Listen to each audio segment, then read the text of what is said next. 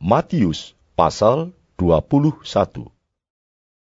Ketika Yesus dan murid-muridnya telah dekat Yerusalem dan tiba di Betfage yang terletak di Bukit Zaitun, Yesus menyuruh dua orang muridnya dengan pesan, Pergilah ke kampung yang di depanmu itu, dan di situ kamu akan segera menemukan seekor keledai betina tertambat dan anaknya ada dekatnya.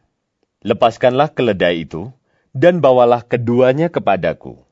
Dan jikalau ada orang menegur kamu, katakanlah, Tuhan memerlukannya. Ia akan segera mengembalikannya. Hal itu terjadi supaya genaplah firman yang disampaikan oleh Nabi, Katakanlah kepada putri Sion, Lihat rajamu datang kepadamu. Ia lemah lembut dan mengendarai seekor keledai, seekor keledai beban yang mudah. Maka pergilah murid-murid itu dan berbuat seperti yang ditugaskan Yesus kepada mereka. Mereka membawa keledai betina itu bersama anaknya, lalu mengalasinya dengan pakaian mereka, dan Yesus pun naik ke atasnya. Orang banyak yang sangat besar jumlahnya menghamparkan pakaiannya di jalan. Ada pula yang memotong ranting-ranting dari pohon-pohon dan menyebarkannya di jalan. Dan orang banyak yang berjalan di depan Yesus dan yang mengikutinya dari belakang berseru. Katanya, Hosana bagi anak Daud. Berkatilah dia yang datang dalam nama Tuhan. Hosana di tempat yang maha tinggi. Dan ketika ia masuk ke Yerusalem, gemparlah seluruh kota itu, dan orang berkata, Siapakah orang ini? dan orang banyak itu menyahut, Inilah Nabi Yesus dari Nazaret di Galilea. Lalu Yesus masuk ke bait Allah dan mengusir semua orang yang berjual beli di halaman bait Allah. Ia membalikkan meja-meja penukar uang dan bangku-bangku pedagang merpati dan berkata kepada mereka, Ada tertulis, Rumahku akan disebut rumah doa. Tetapi, kamu menjadikannya sarang penyamun. Maka datanglah orang-orang buta dan orang-orang timpang kepadanya dalam bait Allah itu, dan mereka disembuhkan. Tetapi ketika imam-imam kepala dan ahli-ahli Taurat melihat mujizat-mujizat yang dibuatnya itu, dan anak-anak yang berseru dalam bait Allah, Hosana bagi anak Daud. hati mereka sangat jengkel. Lalu mereka berkata kepadanya, Engkau dengar apa yang dikatakan anak-anak ini? kata Yesus kepada mereka, Aku dengar, belum pernahkah kamu baca? Dari mulut bayi-bayi dan anak-anak yang menyusu, engkau telah menyediakan puji-pujian. Lalu ia meninggalkan mereka dan pergi keluar kota ke Betania dan bermalam di situ. Pada pagi-pagi hari, dalam perjalanannya kembali ke kota, Yesus merasa lapar. Dekat jalan, ia melihat pohon ara, lalu pergi ke situ, tetapi ia tidak mendapat apa-apa pada pohon itu selain daun-daun saja. Katanya kepada pohon itu, Engkau tidak akan berbuah lagi selama-lamanya. Dan seketika itu juga keringlah pohon ara itu. Melihat kejadian itu, tercenganglah murid-muridnya, lalu berkata, Bagaimana mungkin pohon ara itu sekonyong-konyong menjadi kering? Yesus menjawab mereka, Aku berkata kepadamu, sesungguhnya jika kamu percaya dan tidak bimbang, kamu bukan saja akan dapat berbuat apa yang kuperbuat dengan pohon ara itu, tetapi juga jikalau kamu berkata kepada gunung ini, beranjaklah dan tercampaklah ke dalam laut, hal itu akan terjadi. Dan apa saja yang kamu minta dalam doa dengan penuh kepercayaan, kamu akan menerimanya. Lalu Yesus masuk ke bait Allah, Dan ketika ia mengajar di situ, datanglah imam-imam kepala serta tua-tua bangsa Yahudi kepadanya dan bertanya, Dengan kuasa manakah engkau melakukan hal-hal itu? Dan siapakah yang memberikan kuasa itu kepadamu?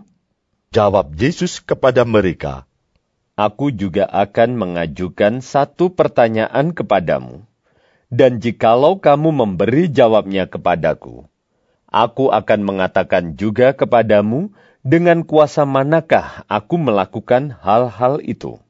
Dari manakah baptisan Yohanes? Dari sorga atau dari manusia?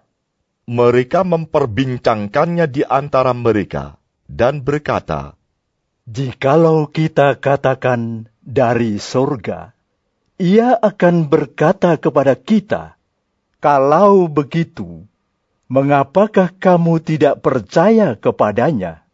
Tetapi, jikalau kita katakan dari manusia, kita takut kepada orang banyak.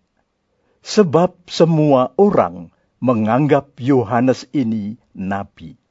Lalu mereka menjawab Yesus, Kami tidak tahu. dan Yesus pun berkata kepada mereka, Jika demikian, aku juga tidak mengatakan kepadamu dengan kuasa manakah aku melakukan hal-hal itu. Tetapi apakah pendapatmu tentang ini? Seorang mempunyai dua anak laki-laki. Ia pergi kepada anak yang sulung dan berkata, Anakku, pergi dan bekerjalah hari ini dalam kebun anggur. Jawab anak itu, Baik, Bapak. Tetapi ia tidak pergi.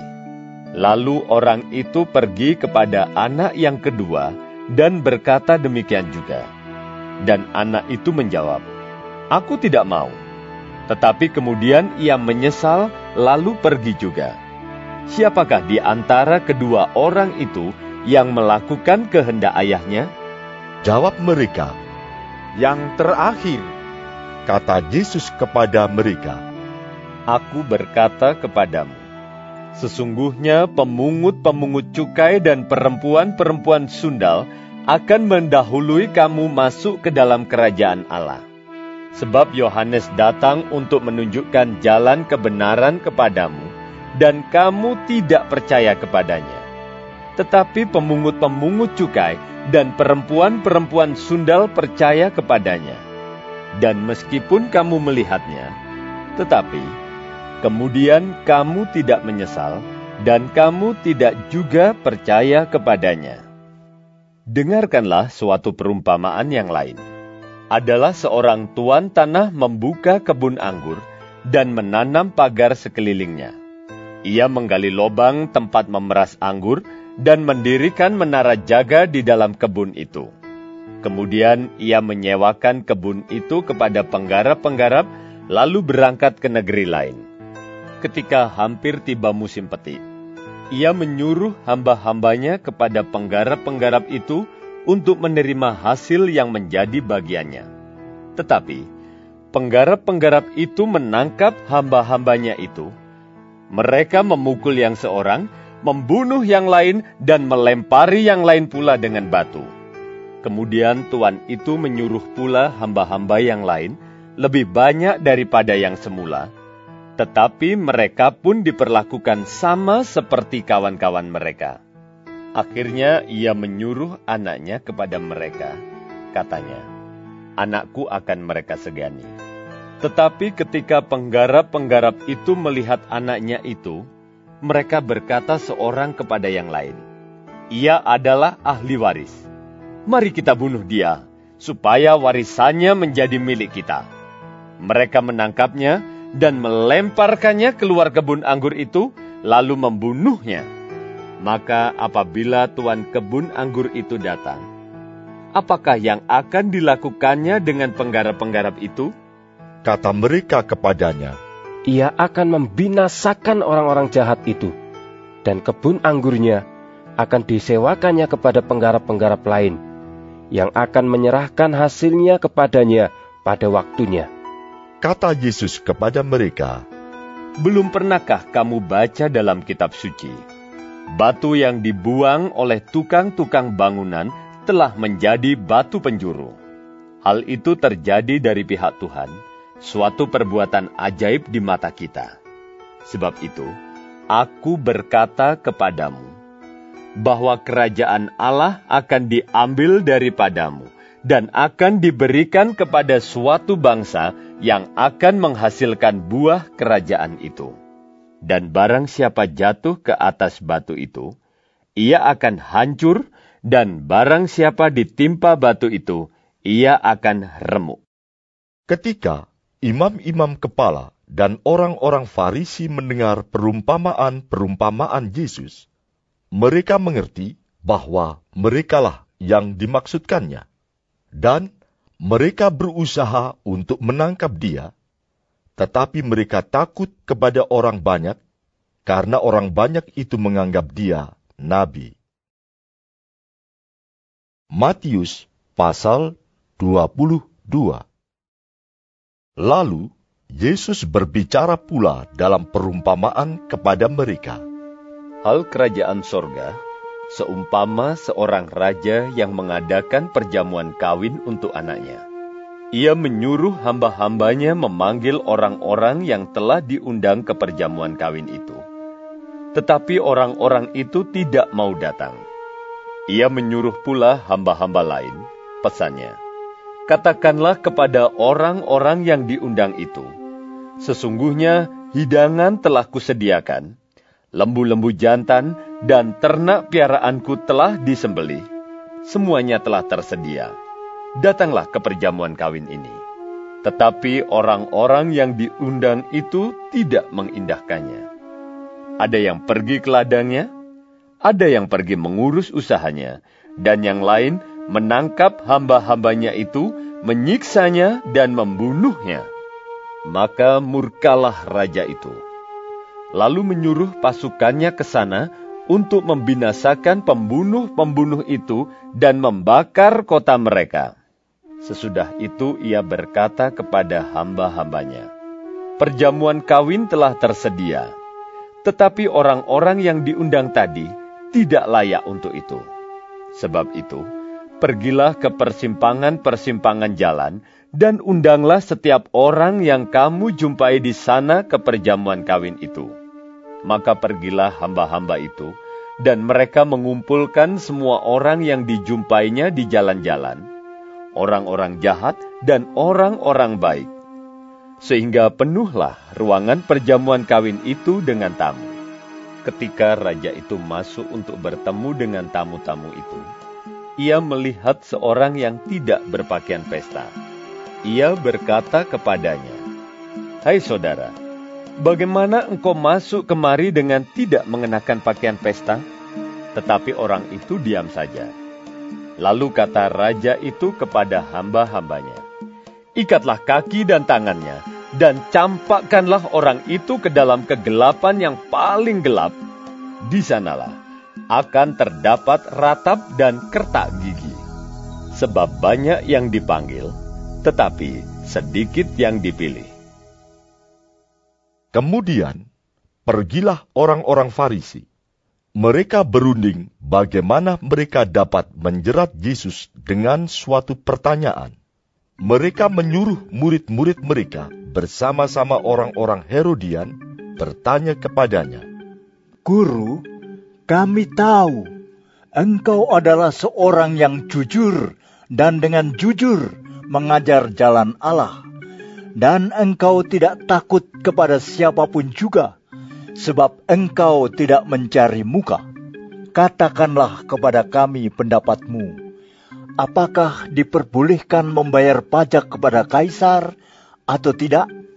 Tetapi Yesus mengetahui kejahatan hati mereka itu, lalu berkata, "Mengapa kamu mencobai Aku, hai orang-orang munafik? Tunjukkanlah kepadaku mata uang untuk pajak itu." Mereka membawa suatu dinar kepadanya. Maka ia bertanya kepada mereka, "Gambar dan tulisan siapakah ini?" Jawab mereka, gambar dan tulisan kaisar. Lalu kata Yesus kepada mereka, Berikanlah kepada kaisar apa yang wajib kamu berikan kepada kaisar, dan kepada Allah apa yang wajib kamu berikan kepada Allah. Mendengar itu, heranlah mereka dan meninggalkan Yesus, lalu pergi. Pada hari itu, datanglah kepada Yesus beberapa orang Saduki yang berpendapat bahwa tidak ada kebangkitan. Mereka bertanya kepadanya, Guru, Musa mengatakan bahwa jika seorang mati dengan tiada meninggalkan anak, saudaranya harus kawin dengan istrinya itu dan membangkitkan keturunan bagi saudaranya itu. Tetapi di antara kami ada tujuh orang bersaudara. Yang pertama kawin, tetapi kemudian mati. Dan karena ia tidak mempunyai keturunan, ia meninggalkan istrinya itu bagi saudaranya. Demikian juga yang kedua dan yang ketiga sampai dengan yang ketujuh. Dan akhirnya Sesudah mereka semua, perempuan itu pun mati. Siapakah di antara ketujuh orang itu yang menjadi suami perempuan itu pada hari kebangkitan? Sebab mereka semua telah beristrikan dia. Yesus menjawab mereka, Kamu sesat, sebab kamu tidak mengerti kitab suci maupun kuasa Allah. Karena pada waktu kebangkitan, orang tidak kawin dan tidak dikawinkan, melainkan hidup seperti malaikat di sorga. Tetapi, tentang kebangkitan orang-orang mati, tidakkah kamu baca apa yang difirmankan Allah ketika ia bersabda, Akulah Allah Abraham, Allah Ishak, dan Allah Yakub, ia bukanlah Allah orang mati, melainkan Allah orang hidup. Orang banyak yang mendengar itu takjub akan pengajarannya. Ketika orang-orang Farisi mendengar bahwa Yesus telah membuat orang-orang Saduki itu bungkam, berkumpullah mereka, dan seorang dari mereka, seorang ahli Taurat, bertanya untuk mencobai dia. Guru, hukum manakah yang terutama dalam hukum Taurat? Jawab Yesus kepadanya, Kasihilah Tuhan, Allahmu, dengan segenap hatimu, dan dengan segenap jiwamu, dan dengan segenap akal budimu. Itulah hukum yang terutama dan yang pertama. Dan hukum yang kedua, yang sama dengan itu ialah, Kasihilah sesamamu manusia seperti dirimu sendiri. Pada kedua hukum inilah, tergantung seluruh hukum Taurat dan kitab para nabi. Ketika orang-orang Farisi sedang berkumpul, Yesus bertanya kepada mereka. Katanya, Apakah pendapatmu tentang Mesias? Anak siapakah dia? Kata mereka kepadanya, Anak Daud. Katanya kepada mereka, Jika demikian, bagaimanakah Daud oleh pimpinan roh dapat menyebut dia tuannya? Ketika ia berkata, Tuhan telah berfirman kepada tuanku, duduklah di sebelah kananku, sampai musuh-musuhmu kutaruh di bawah kakimu. Jadi, jika Daud menyebut dia tuannya, bagaimana mungkin ia anaknya pula? Tidak ada seorang pun yang dapat menjawabnya. Dan sejak hari itu, tidak ada seorang pun juga yang berani menanyakan sesuatu kepadanya. Matius pasal 23 Maka berkatalah Yesus kepada orang banyak dan kepada murid-muridnya, katanya, Ahli-ahli Taurat dan orang-orang Farisi telah menduduki kursi Musa. Sebab itu, turutilah dan lakukanlah segala sesuatu yang mereka ajarkan kepadamu. Tetapi, janganlah kamu turuti perbuatan-perbuatan mereka, karena mereka mengajarkannya tetapi tidak melakukannya. Mereka mengikat beban-beban berat, lalu meletakkannya di atas bahu orang, tetapi mereka sendiri tidak mau menyentuhnya. Semua pekerjaan yang mereka lakukan hanya dimaksud supaya dilihat orang. Mereka memakai tali sembahyang yang lebar dan jumbai yang panjang. Mereka suka duduk di tempat terhormat dalam perjamuan dan di tempat terdepan di rumah ibadat. Mereka suka menerima penghormatan di pasar dan suka dipanggil rabi. Tetapi kamu, janganlah kamu disebut rabi, karena hanya satu rabimu, dan kamu semua adalah saudara. Dan janganlah kamu menyebut siapa pun bapa di bumi ini, karena hanya satu bapamu, yaitu Dia yang di sorga. Janganlah pula kamu disebut pemimpin, karena hanya satu pemimpinmu, yaitu Mesias. Barang siapa terbesar di antara kamu, hendaklah ia menjadi pelayanmu. Dan barang siapa meninggikan diri, ia akan direndahkan. Dan barang siapa merendahkan diri, ia akan ditinggikan. Celakalah kamu, hai ahli-ahli Taurat dan orang-orang Farisi, hai kamu orang-orang munafik, karena kamu menutup pintu-pintu kerajaan sorga di depan orang. Sebab kamu sendiri tidak masuk, dan kamu merintangi mereka yang berusaha untuk masuk. Celakalah kamu, hai ahli-ahli Taurat dan orang-orang Farisi, hai kamu orang-orang munafik, sebab kamu menelan rumah janda-janda, sedang kamu mengelabui mata orang dengan doa yang panjang-panjang. Sebab itu, kamu pasti akan menerima hukuman yang lebih berat. Celakalah kamu, hai ahli-ahli Taurat dan orang-orang Farisi, hai kamu orang-orang munafik, sebab kamu mengarungi lautan dan menjelajah daratan untuk mentobatkan satu orang saja menjadi penganut agamamu, dan sesudah ia bertobat, kamu menjadikan dia orang neraka yang dua kali lebih jahat daripada kamu sendiri. Celakalah kamu, hai pemimpin-pemimpin buta yang berkata, bersumpah demi bait suci. Sumpah itu tidak sah. Tetapi bersumpah demi emas bait suci. Sumpah itu mengikat. Hai kamu orang-orang bodoh dan orang-orang buta, apakah yang lebih penting? Emas atau bait suci yang menguduskan emas itu, bersumpah demi mesbah, sumpah itu tidak sah. Tetapi bersumpah demi persembahan yang ada di atasnya, sumpah itu mengikat. Hai kamu orang-orang buta, apakah yang lebih penting? Persembahan atau mesbah yang menguduskan persembahan itu? Karena itu, barang siapa bersumpah demi mesbah, ia bersumpah demi mesbah dan juga demi segala sesuatu yang terletak di atasnya. Dan barang siapa bersumpah demi bait suci, ia bersumpah demi bait suci dan juga demi dia yang diam di situ. Dan barang siapa bersumpah demi sorga, ia bersumpah demi tahta Allah dan juga demi dia yang bersemayam di atasnya Celakalah kamu, hai ahli-ahli Taurat dan orang-orang Farisi, hai kamu orang-orang munafik, sebab persepuluhan dari selasih, adas manis, dan jintan kamu bayar.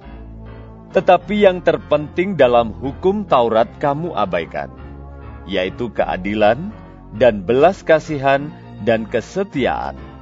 Yang satu harus dilakukan, dan yang lain jangan diabaikan.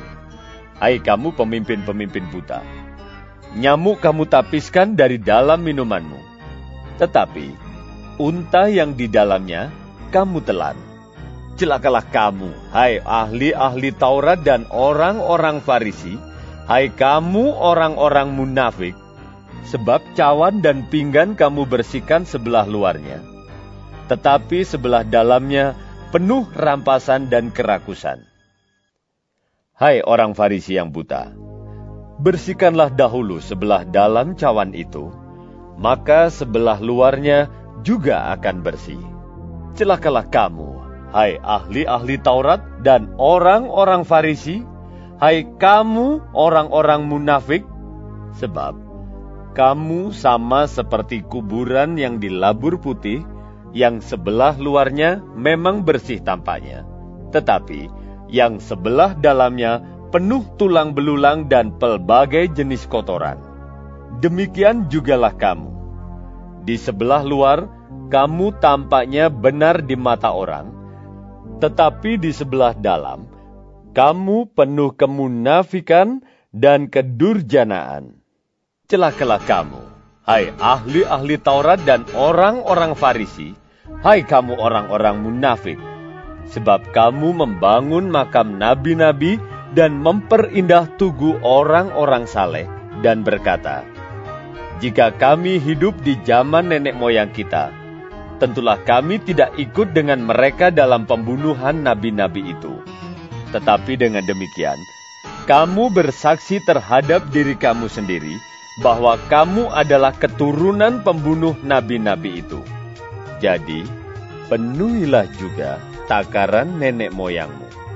Hai kamu ular-ular, hai kamu keturunan ular beludak, bagaimanakah mungkin kamu dapat meluputkan diri dari hukuman neraka? Sebab itu, lihatlah, aku mengutus kepadamu nabi-nabi, orang-orang bijaksana, dan ahli-ahli Taurat. Separuh di antara mereka akan kamu bunuh dan kamu salibkan, yang lain akan kamu sesah di rumah-rumah ibadatmu, dan kamu aniaya dari kota ke kota, supaya kamu menanggung akibat penumpahan darah orang yang tidak bersalah, mulai dari Habel orang benar itu, sampai kepada Zakaria anak Berekhia yang kamu bunuh di antara tempat kudus dan mesbah. Aku berkata kepadamu, sesungguhnya semuanya ini akan ditanggung angkatan ini. Yerusalem, Yerusalem, engkau yang membunuh nabi-nabi dan melempari dengan batu orang-orang yang diutus kepadamu. Berkali-kali aku rindu mengumpulkan anak-anakmu, sama seperti induk ayam mengumpulkan anak-anaknya di bawah sayapnya.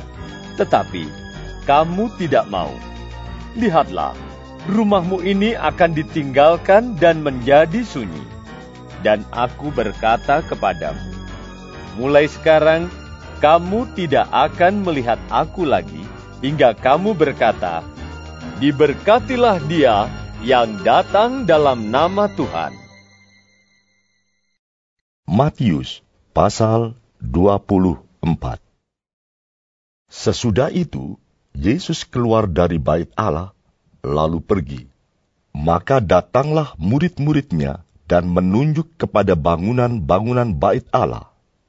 Ia berkata kepada mereka, Kamu melihat semuanya itu? Aku berkata kepadamu, Sesungguhnya tidak satu batu pun di sini akan dibiarkan terletak di atas batu yang lain. Semuanya akan diruntuhkan. Ketika Yesus duduk di atas bukit Zaitun, datanglah murid-muridnya kepadanya untuk bercakap-cakap sendirian dengan dia.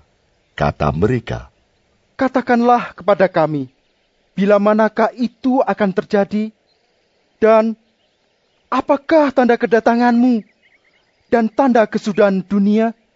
Jawab Yesus kepada mereka, Waspadalah, supaya jangan ada orang yang menyesatkan kamu. Sebab banyak orang akan datang dengan memakai namaku dan berkata, Akulah Mesias, dan mereka akan menyesatkan banyak orang. Kamu akan mendengar deru perang atau kabar-kabar tentang perang namun berawas-awaslah, jangan kamu gelisah, sebab semuanya itu harus terjadi, tetapi itu belum kesudahannya. Sebab bangsa akan bangkit melawan bangsa, dan kerajaan melawan kerajaan. Akan ada kelaparan dan gempa bumi di berbagai tempat. Akan tetapi, semuanya itu barulah permulaan penderitaan menjelang zaman baru pada waktu itu, kamu akan diserahkan supaya disiksa, dan kamu akan dibunuh dan akan dibenci semua bangsa oleh karena namaku. Dan banyak orang akan murtad, dan mereka akan saling menyerahkan dan saling membenci. Banyak nabi palsu akan muncul dan menyesatkan banyak orang. Dan karena makin bertambahnya kedurhakaan, maka kasih kebanyakan orang akan menjadi dingin. Tetapi orang yang bertahan sampai pada kesudahannya akan selamat. Dan Injil kerajaan ini akan diberitakan di seluruh dunia menjadi kesaksian bagi semua bangsa. Sesudah itu, barulah tiba kesudahannya.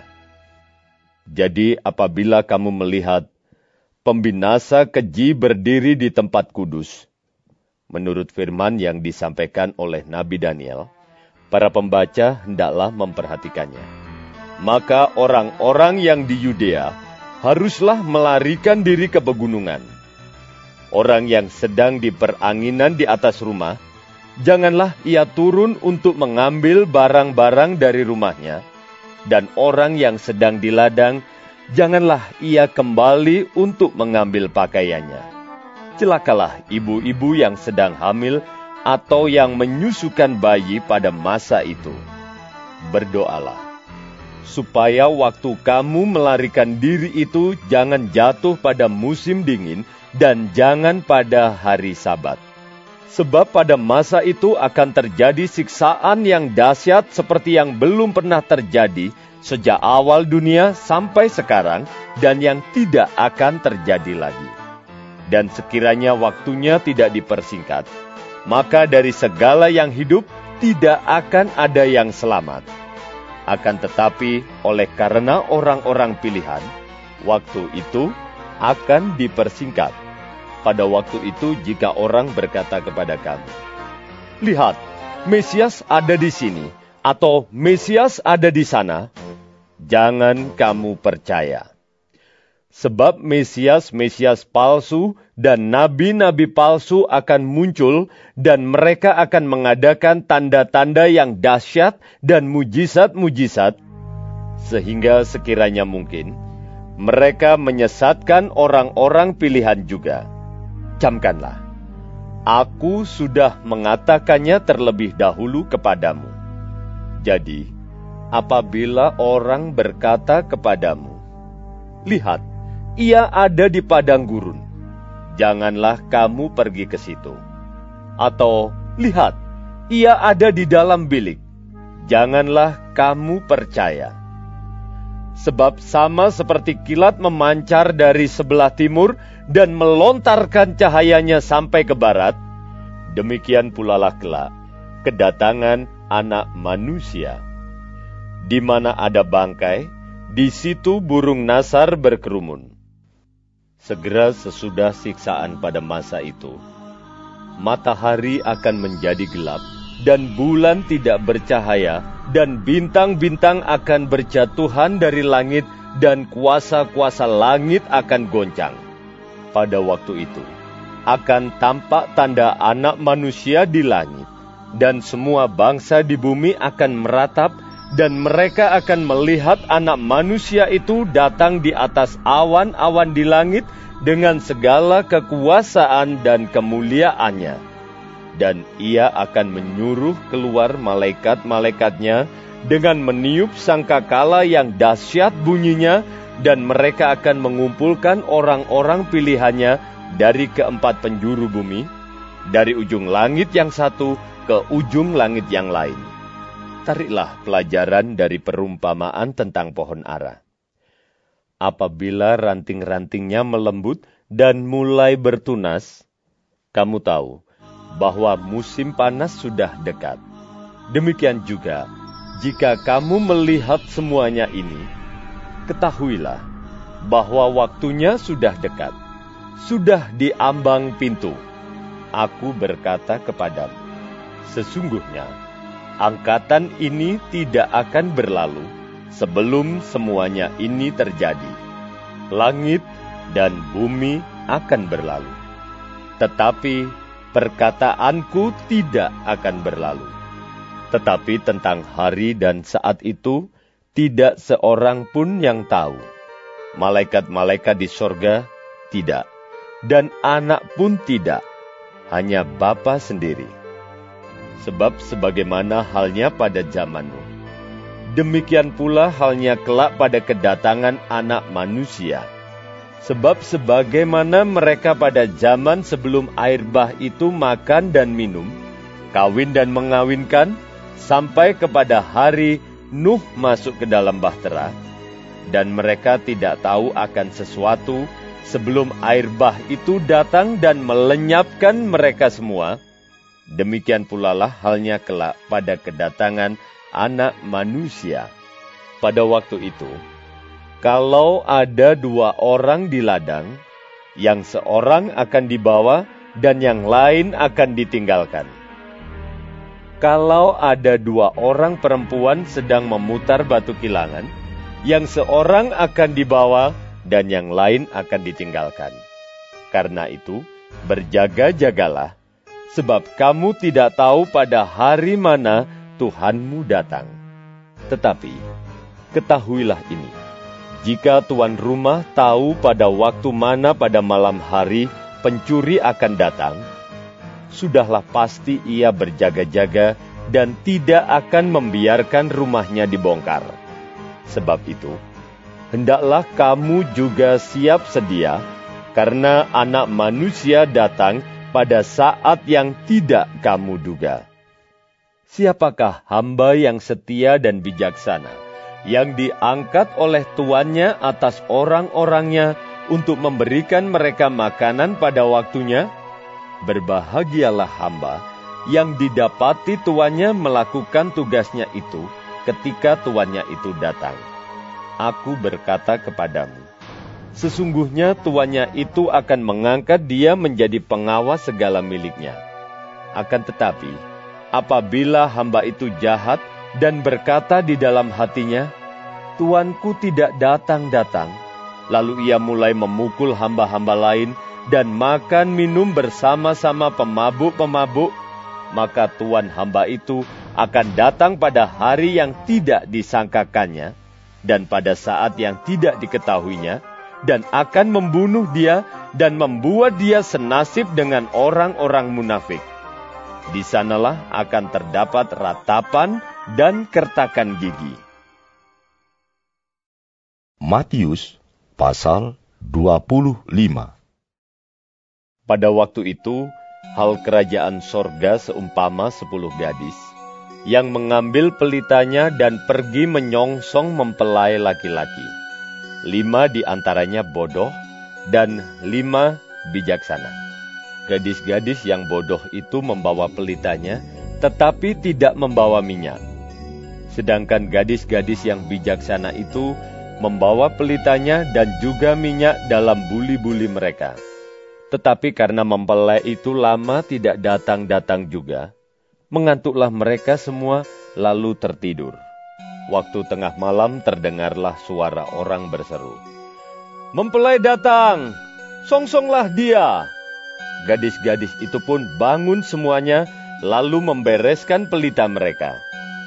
Gadis-gadis yang bodoh berkata kepada gadis-gadis yang bijaksana, Berikanlah kami sedikit dari minyakmu itu, sebab pelita kami hampir padam. Tetapi jawab gadis-gadis yang bijaksana itu, Tidak, nanti tidak cukup untuk kami dan untuk kamu. Lebih baik kamu pergi kepada penjual minyak dan beli di situ. Akan tetapi, waktu mereka sedang pergi untuk membelinya, datanglah mempelai itu, dan mereka yang telah siap sedia masuk bersama-sama dengan dia ke ruang perjamuan kawin, lalu pintu ditutup. Kemudian datang juga gadis-gadis yang lain itu dan berkata, Tuan, Tuan, bukakanlah kami pintu. Tetapi ia menjawab, Aku berkata kepadamu, sesungguhnya aku tidak mengenal kamu. Karena itu, berjaga-jagalah, sebab kamu tidak tahu akan hari maupun akan saatnya. Sebab hal kerajaan sorga sama seperti seorang yang mau bepergian ke luar negeri, yang memanggil hamba-hambanya dan mempercayakan hartanya kepada mereka. Yang seorang diberikannya lima talenta, yang seorang lagi dua, dan yang seorang lain lagi satu. Masing-masing menurut kesanggupannya, lalu ia berangkat. Segera pergilah hamba yang menerima lima talenta itu. Ia menjalankan uang itu, lalu beroleh laba lima talenta. Hamba yang menerima dua talenta itu pun berbuat demikian juga, dan berlaba dua talenta. Tetapi, hamba yang menerima satu talenta itu pergi dan menggali lobang di dalam tanah, lalu menyembunyikan uang tuannya. Lama sesudah itu, pulanglah tuan hamba-hamba itu lalu mengadakan perhitungan dengan mereka. Hamba yang menerima lima talenta itu datang, dan ia membawa laba lima talenta, katanya, Tuan, lima talenta Tuan percayakan kepadaku. Lihat, aku telah beroleh laba lima talenta. Maka kata tuannya itu kepadanya, Baik sekali perbuatanmu itu, hai hambaku yang baik dan setia. Engkau telah setia dalam perkara kecil, aku akan memberikan kepadamu tanggung jawab dalam perkara yang besar. Masuklah, dan turutlah dalam kebahagiaan Tuanmu. Lalu datanglah hamba yang menerima dua talenta itu. Katanya, Tuan, dua talenta Tuan percayakan kepadaku. Lihat, aku telah beroleh laba dua talenta. Maka kata tuannya itu kepadanya, Baik sekali perbuatanmu itu, hai hambaku yang baik dan setia. Engkau telah setia memikul tanggung jawab dalam perkara yang kecil Aku akan memberikan kepadamu tanggung jawab dalam perkara yang besar. Masuklah, dan turutlah dalam kebahagiaan Tuanmu. Kini datanglah juga hamba yang menerima satu talenta itu dan berkata, Tuan, aku tahu bahwa Tuan adalah manusia yang kejam, yang menuai di tempat di mana Tuan tidak menabur, dan yang memungut dari tempat di mana Tuan tidak menanam. Karena itu aku takut dan pergi menyembunyikan talenta Tuhan itu di dalam tanah. Ini, terimalah kepunyaan Tuhan. Maka jawab tuannya itu, Hai kamu, hamba yang jahat dan malas. Jadi kamu sudah tahu bahwa aku menuai di tempat di mana aku tidak menabur dan memungut dari tempat di mana aku tidak menanam? Karena itu, Sudahlah, seharusnya uangku itu kau berikan kepada orang yang menjalankan uang, supaya sekembaliku aku menerimanya serta dengan bunganya. Sebab itu, ambillah talenta itu daripadanya dan berikanlah kepada orang yang mempunyai sepuluh talenta itu. Karena setiap orang yang mempunyai, kepadanya akan diberi sehingga ia berkelimpahan tetapi siapa yang tidak mempunyai, apa pun juga yang ada padanya akan diambil daripadanya. Dan campakkanlah hamba yang tidak berguna itu ke dalam kegelapan yang paling gelap. Di sanalah akan terdapat ratap dan kertak gigi. Apabila anak manusia datang dalam kemuliaannya, dan semua malaikat bersama-sama dengan dia, maka ia akan bersemayam di atas takhta kemuliaannya. Lalu, semua bangsa akan dikumpulkan di hadapannya. Dan ia akan memisahkan mereka seorang daripada seorang, sama seperti gembala memisahkan domba dari kambing, dan ia akan menempatkan domba-domba di sebelah kanannya dan kambing-kambing di sebelah kirinya. Dan raja itu akan berkata kepada mereka yang di sebelah kanannya, Mari, hai kamu yang diberkati oleh Bapakku, terimalah kerajaan yang telah disediakan bagimu sejak dunia dijadikan. Sebab ketika aku lapar, kamu memberi aku makan. Ketika aku haus, kamu memberi aku minum. Ketika aku seorang asing, kamu memberi aku tumpangan Ketika aku telanjang, kamu memberi aku pakaian. Ketika aku sakit, kamu melawat aku. Ketika aku di dalam penjara, kamu mengunjungi aku, maka orang-orang benar itu akan menjawab dia. Katanya, Tuhan, bila manakah kami melihat engkau lapar dan kami memberi engkau makan, atau haus dan kami memberi engkau minum? Bila manakah kami melihat engkau sebagai orang asing dan kami memberi engkau tumpangan? Atau telanjang dan kami memberi engkau pakaian? Bila manakah kami melihat engkau sakit atau dalam penjara dan kami mengunjungi engkau? Dan raja itu akan menjawab mereka, Aku berkata kepadamu, sesungguhnya segala sesuatu yang kamu lakukan untuk salah seorang dari saudaraku yang paling hina ini, kamu telah melakukannya untuk aku dan ia akan berkata juga kepada mereka yang di sebelah kirinya, Enyahlah dari hadapanku, hai kamu orang-orang terkutuk. Enyahlah ke dalam api yang kekal yang telah sedia untuk iblis dan malaikat-malaikatnya.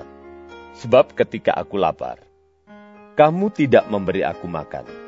Ketika aku haus, kamu tidak memberi aku minum. Ketika aku seorang asing, kamu tidak memberi aku tumpangan. Ketika aku telanjang, kamu tidak memberi aku pakaian. Ketika aku sakit dan dalam penjara, kamu tidak melawat aku. Lalu mereka pun akan menjawab dia. Katanya, Tuhan, bila manakah kami melihat engkau lapar, atau haus, atau sebagai orang asing, atau telanjang, atau sakit, atau dalam penjara dan kami tidak melayani engkau? Maka ia akan menjawab mereka, Aku berkata kepadamu, sesungguhnya segala sesuatu yang tidak kamu lakukan untuk salah seorang dari yang paling hina ini, kamu tidak melakukannya juga untuk aku. Dan mereka ini akan masuk ke tempat siksaan yang kekal, tetapi orang benar ke dalam hidup yang kekal. Matius pasal 26 Setelah Yesus selesai dengan segala pengajarannya itu, berkatalah ia kepada murid-muridnya, Kamu tahu bahwa dua hari lagi akan dirayakan Paskah. Maka, anak manusia akan diserahkan untuk disalibkan pada waktu itu, berkumpullah imam-imam kepala dan tua-tua bangsa Yahudi di istana imam besar yang bernama Kayafas, dan mereka merundingkan suatu rencana untuk menangkap Yesus dengan tipu muslihat dan untuk membunuh dia. Tetapi mereka berkata, Jangan pada waktu perayaan, supaya jangan timbul keributan di antara rakyat. Ketika Yesus berada di Betania di rumah Simon si Kusta, datanglah seorang perempuan kepadanya membawa sebuah buli-buli pualam berisi minyak wangi yang mahal. Minyak itu dicurahkannya ke atas kepala Yesus yang sedang duduk makan. Melihat itu, murid-murid gusar dan berkata, Untuk apa pemborosan ini? Sebab minyak itu dapat dijual dengan mahal dan uangnya dapat diberikan kepada orang-orang miskin. Tetapi Yesus mengetahui pikiran mereka, lalu berkata, "Mengapa kamu menyusahkan perempuan ini? Sebab ia telah melakukan suatu perbuatan yang baik padaku. Karena orang-orang miskin selalu ada padamu, tetapi aku tidak akan selalu bersama-sama kamu." Sebab dengan mencurahkan minyak itu ke tubuhku, ia membuat suatu persiapan untuk penguburanku. Aku berkata kepadamu, sesungguhnya, di mana saja Injil ini diberitakan di seluruh dunia, apa yang dilakukannya ini akan disebut juga untuk mengingat dia. Kemudian, Pergilah seorang dari kedua belas murid itu yang bernama Judas Iskariot kepada imam-imam kepala. Ia berkata, Apa yang hendak kamu berikan kepadaku supaya aku menyerahkan dia kepada kamu? Mereka membayar 30 uang perak kepadanya. Dan mulai saat itu, ia mencari kesempatan yang baik untuk menyerahkan Yesus. Pada hari pertama dari hari raya roti tidak beragi, datanglah murid-murid Yesus kepadanya dan berkata, Di mana engkau kehendaki kami mempersiapkan perjamuan Paskah bagimu? Jawab Yesus, Pergilah ke kota kepada si Anu, dan katakan kepadanya, Pesan guru, waktuku hampir tiba.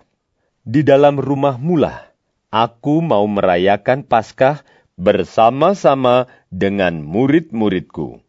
Lalu, murid-muridnya melakukan seperti yang ditugaskan Yesus kepada mereka dan mempersiapkan Paskah. Setelah hari malam, Yesus duduk makan bersama-sama dengan kedua belas murid itu. Dan ketika mereka sedang makan, ia berkata, Aku berkata kepadamu, Sesungguhnya seorang di antara kamu akan menyerahkan aku.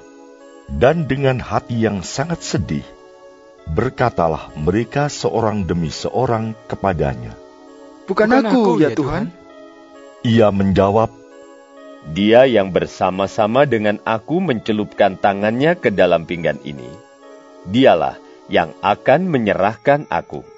Anak manusia memang akan pergi sesuai dengan yang ada tertulis tentang dia.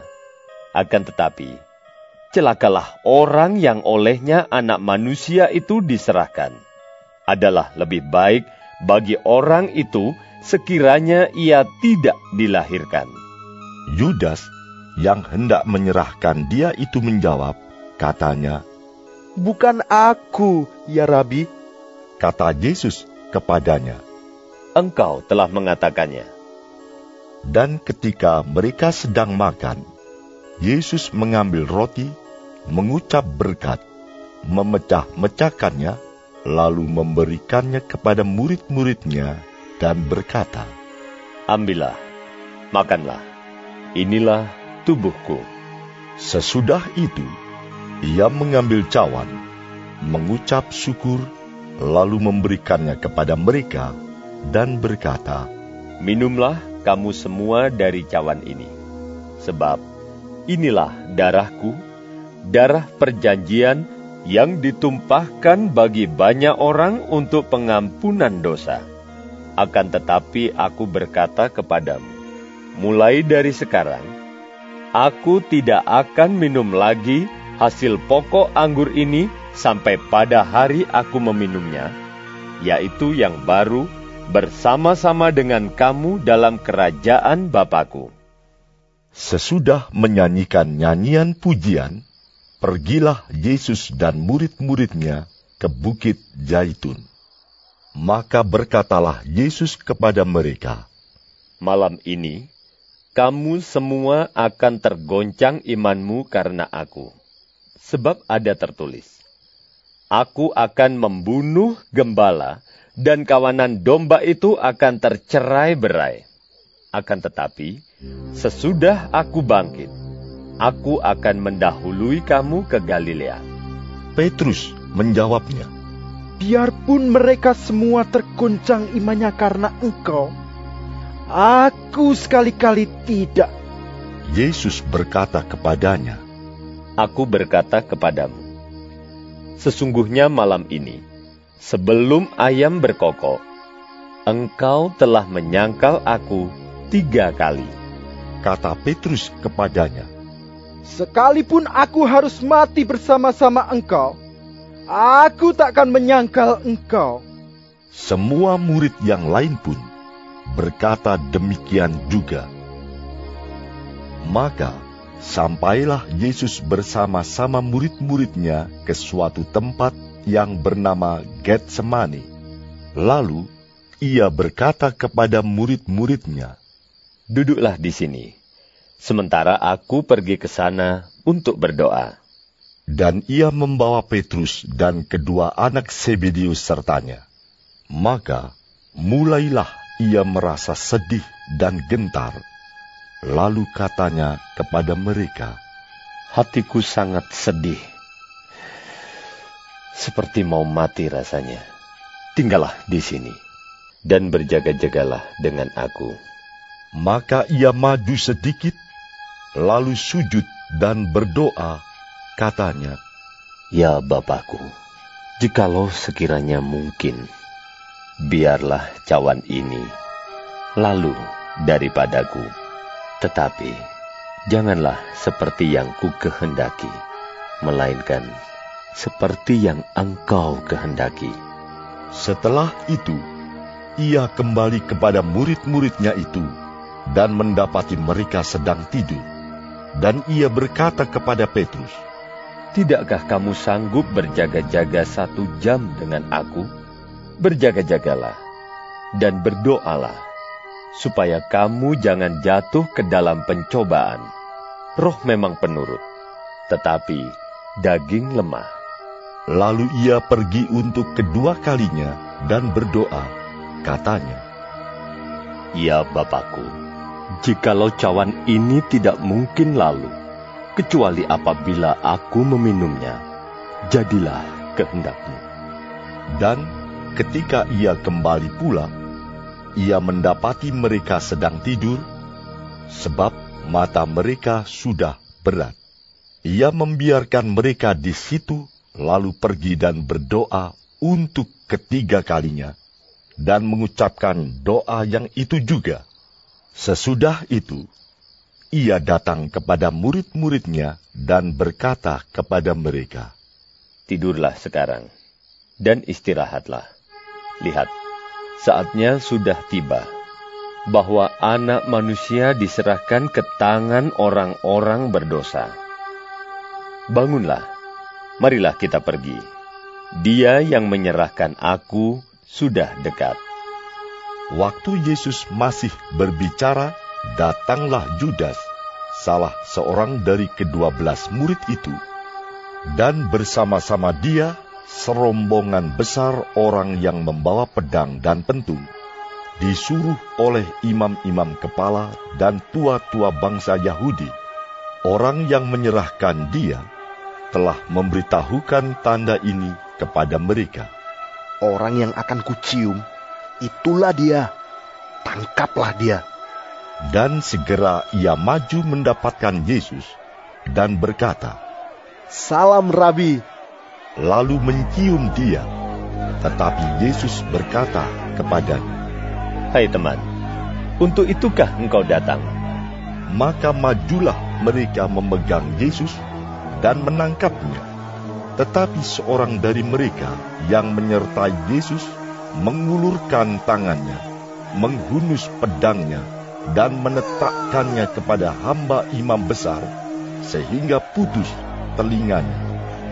Maka kata Yesus kepadanya, Masukkan pedang itu kembali ke dalam sarungnya. Sebab barang siapa menggunakan pedang, akan binasa oleh pedang. Atau kau sangka bahwa aku tidak dapat berseru kepada Bapakku, supaya ia segera mengirim lebih dari dua belas pasukan malaikat membantu aku? Jika begitu, bagaimanakah akan digenapi yang tertulis dalam kitab suci yang mengatakan bahwa harus terjadi demikian? Pada saat itu, Yesus berkata kepada orang banyak, Sangkamu aku ini penyamuk, maka kamu datang lengkap dengan pedang dan pentung untuk menangkap aku, padahal tiap-tiap hari aku duduk mengajar di bait Allah, dan kamu tidak menangkap aku. Akan tetapi, semua ini terjadi supaya genap yang ada tertulis dalam kitab nabi-nabi. Lalu semua murid itu meninggalkan dia dan melarikan diri. Sesudah mereka menangkap Yesus, mereka membawanya menghadap Kayafas, imam besar. Di situ telah berkumpul ahli-ahli Taurat dan tua-tua, dan Petrus mengikuti dia dari jauh sampai ke halaman imam besar, dan setelah masuk ke dalam, ia duduk di antara pengawal-pengawal untuk melihat kesudahan perkara itu, imam-imam kepala, malah seluruh mahkamah agama mencari kesaksian palsu terhadap Yesus supaya ia dapat dihukum mati, tetapi mereka tidak memperolehnya walaupun tampil banyak saksi dusta. Tetapi akhirnya tampillah dua orang yang mengatakan, Orang ini berkata, Aku dapat merubuhkan bait Allah dan membangunnya kembali dalam tiga hari. Lalu imam besar itu berdiri dan berkata kepadanya, Tidakkah engkau memberi jawab atas tuduhan-tuduhan saksi-saksi ini terhadap engkau? Tetapi Yesus tetap diam. Lalu kata imam besar itu kepadanya, Demi Allah yang hidup, katakanlah kepada kami, apakah engkau Mesias, anak Allah atau tidak? Jawab Yesus, Engkau telah mengatakannya. Akan tetapi aku berkata kepadamu, mulai sekarang kamu akan melihat anak manusia duduk di sebelah kanan yang maha kuasa dan datang di atas awan-awan di langit. Maka imam besar itu mengoyakkan pakaiannya dan berkata, Ia menghujat Allah. Untuk apa kita perlu saksi lagi? Sekarang telah kamu dengar hujatnya. Bagaimana pendapat kamu? Mereka menjawab dan berkata, Ia harus dihukum mati. Lalu mereka meludahi mukanya dan meninjunya. Orang-orang lain memukul dia dan berkata, Cobalah katakan kepada kami, hai Mesias, siapakah yang memukul engkau? Sementara itu, Petrus duduk di luar di halaman. Maka datanglah seorang hamba perempuan kepadanya.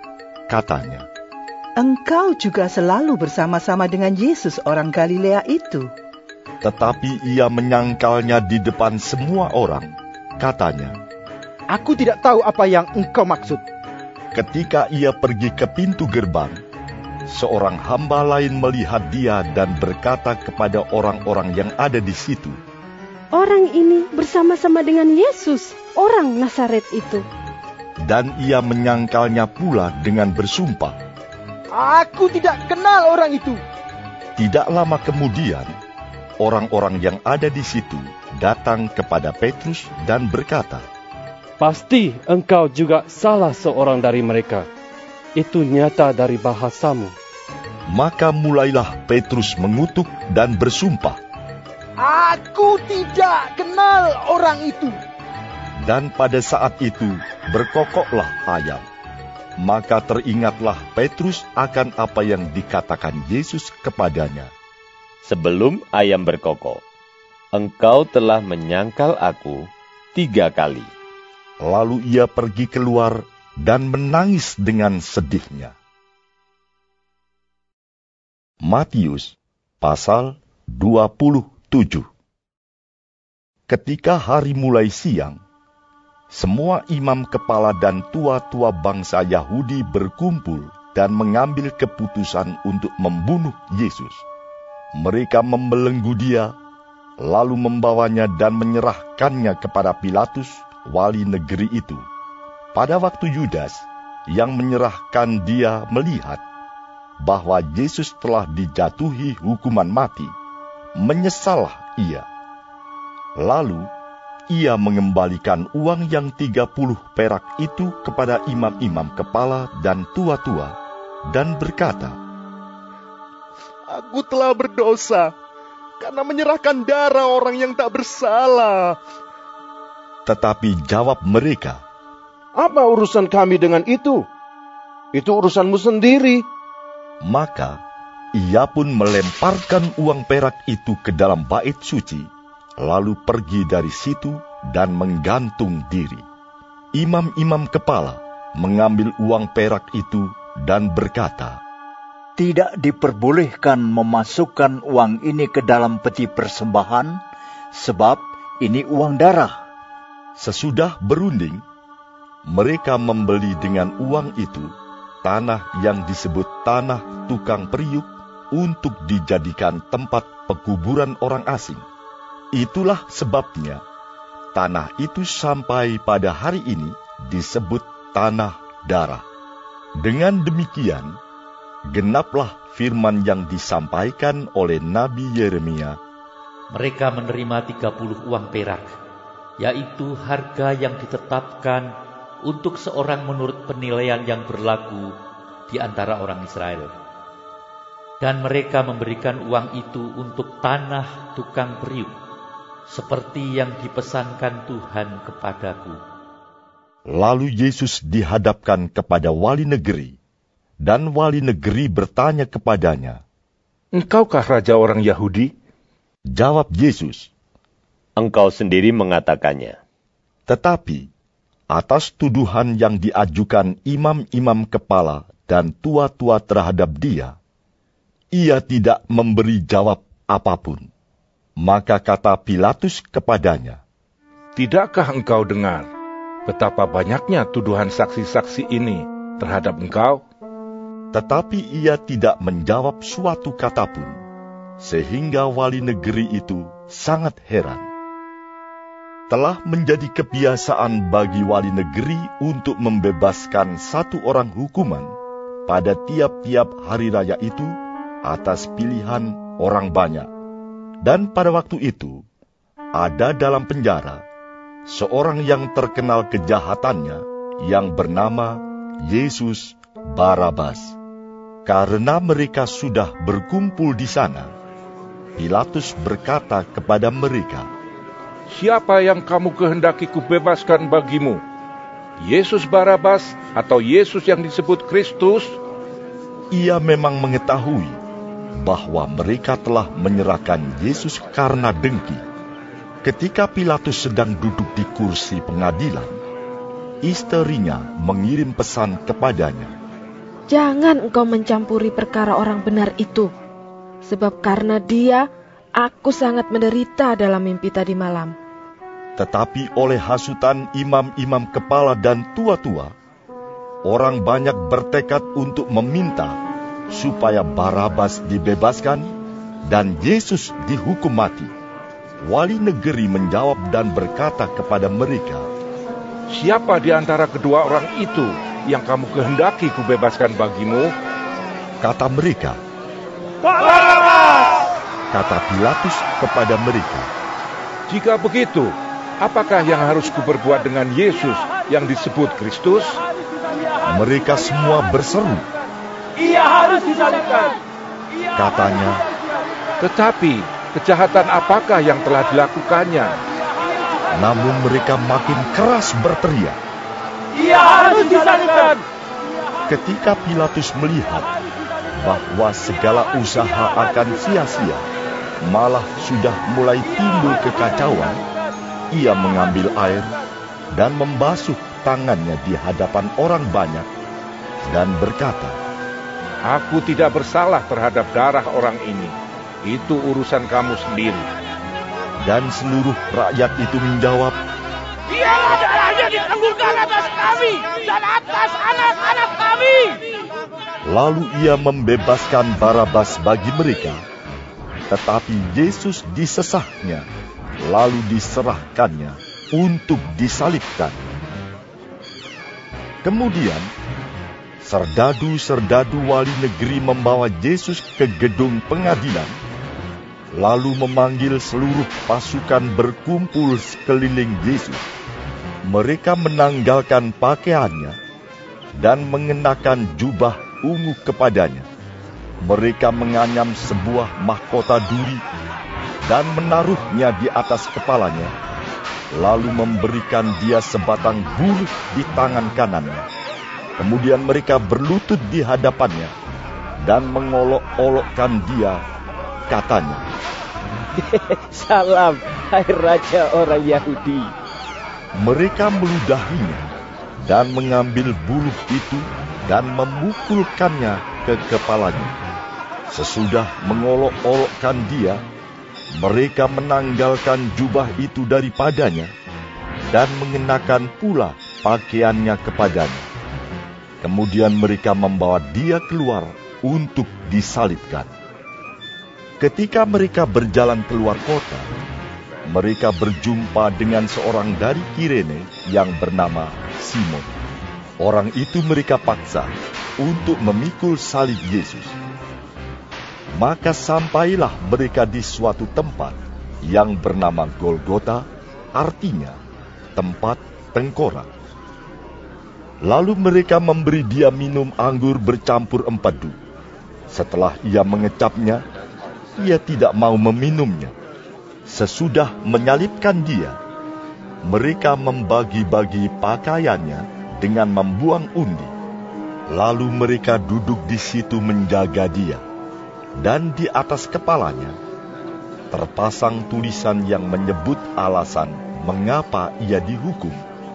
Inilah Yesus, Raja orang Yahudi. Bersama dengan dia, disalibkan dua orang penyamun, seorang di sebelah kanan dan seorang di sebelah kirinya.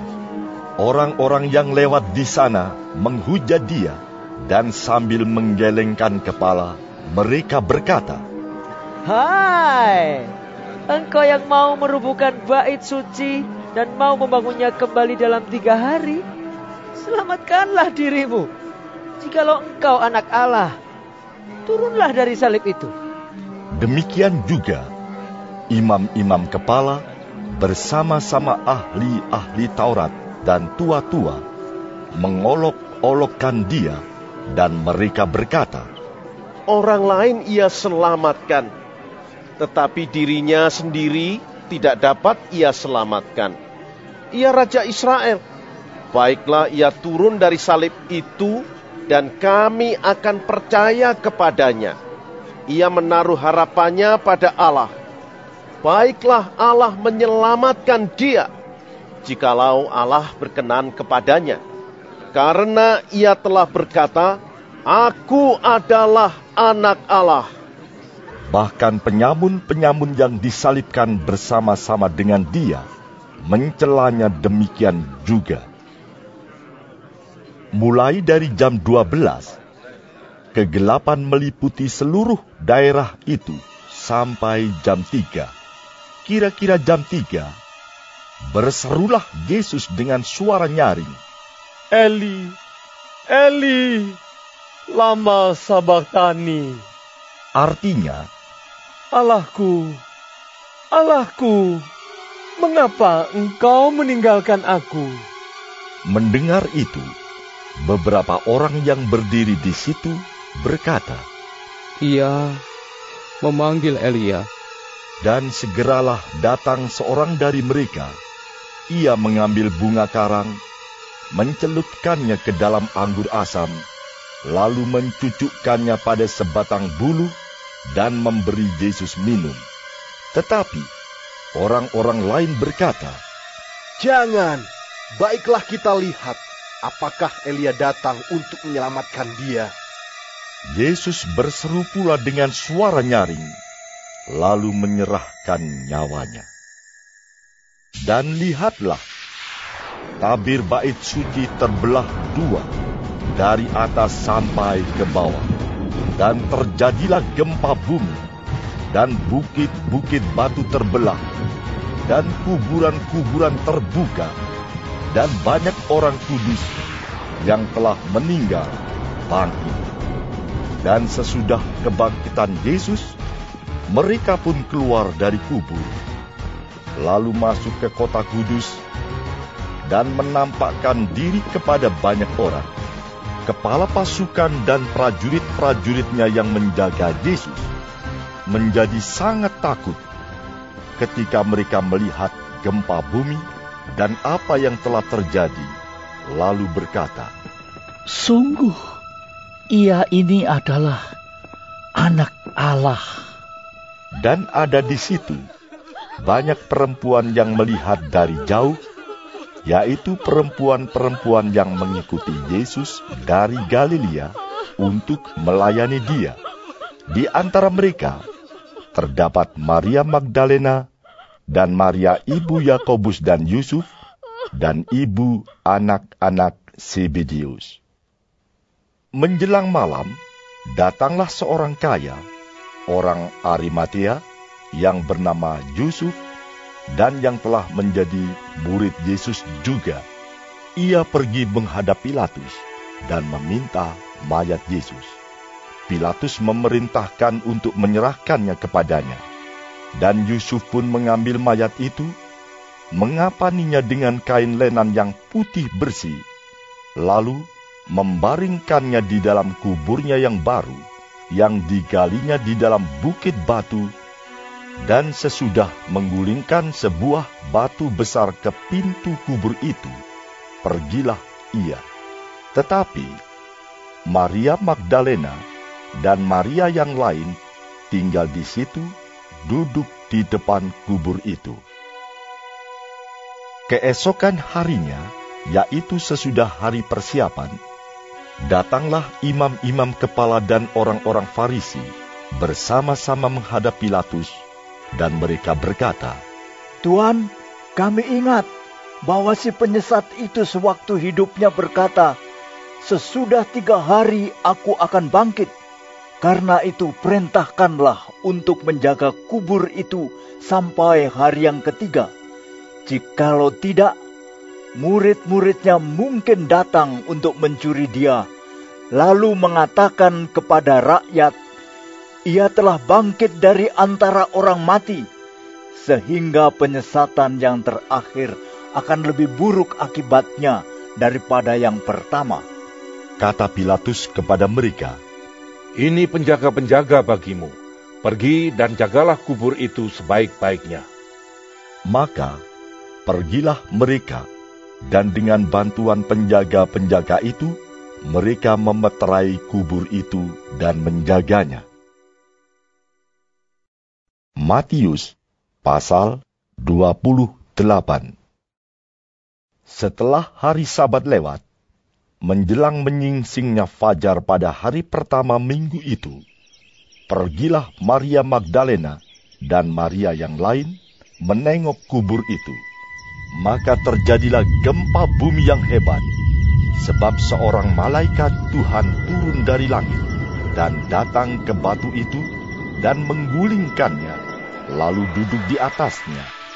Wajahnya bagaikan kilat, dan pakaiannya putih bagaikan salju.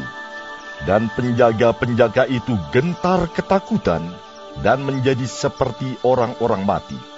Akan tetapi malaikat itu berkata kepada perempuan-perempuan itu, Janganlah kamu takut, sebab aku tahu kamu mencari Yesus yang disalibkan itu. Ia tidak ada di sini, sebab ia telah bangkit, sama seperti yang telah dikatakannya. Mari, lihatlah tempat ia berbaring. Dan segeralah pergi, dan katakanlah kepada murid-muridnya bahwa ia telah bangkit dari antara orang mati. Ia mendahului kamu ke Galilea di sana kamu akan melihat dia. Sesungguhnya aku telah mengatakannya kepadamu. Mereka segera pergi dari kubur itu dengan takut dan dengan sukacita yang besar dan berlari cepat-cepat untuk memberitahukannya kepada murid-murid Yesus. Tiba-tiba, Yesus berjumpa dengan mereka dan berkata, salam bagimu. Mereka mendekatinya dan memeluk kakinya serta menyembahnya. Maka kata Yesus kepada mereka, Jangan takut, pergi dan katakanlah kepada saudara-saudaraku, supaya mereka pergi ke Galilea, dan di sanalah mereka akan melihat aku. Ketika mereka di tengah jalan, datanglah beberapa orang dari penjaga itu ke kota dan memberitahukan segala yang terjadi itu kepada imam-imam kepala. Dan sesudah berunding dengan tua-tua, mereka mengambil keputusan lalu memberikan sejumlah besar uang kepada serdadu-serdadu itu dan berkata, Kamu harus mengatakan bahwa murid-muridnya datang malam-malam dan mencurinya ketika kamu sedang tidur. Dan apabila hal ini kedengaran oleh wali negeri, kami akan berbicara dengan dia, sehingga kamu tidak beroleh kesulitan apa-apa. Mereka menerima uang itu dan berbuat seperti yang dipesankan kepada mereka. Dan cerita ini tersiar di antara orang Yahudi sampai sekarang ini. Dan ke sebelas murid itu berangkat ke Galilea, ke bukit yang telah ditunjukkan Yesus kepada mereka. Ketika melihat dia, mereka menyembahnya, tetapi beberapa orang ragu-ragu. Yesus mendekati mereka dan berkata, Kepadaku, telah diberikan segala kuasa di sorga dan di bumi. Karena itu, pergilah, jadikanlah semua bangsa muridku, dan baptislah mereka dalam nama Bapa dan Anak dan Roh Kudus, dan ajarlah mereka melakukan segala sesuatu yang telah kuperintahkan kepadamu. Dan ketahuilah, aku menyertai kamu senantiasa, sampai kepada akhir zaman.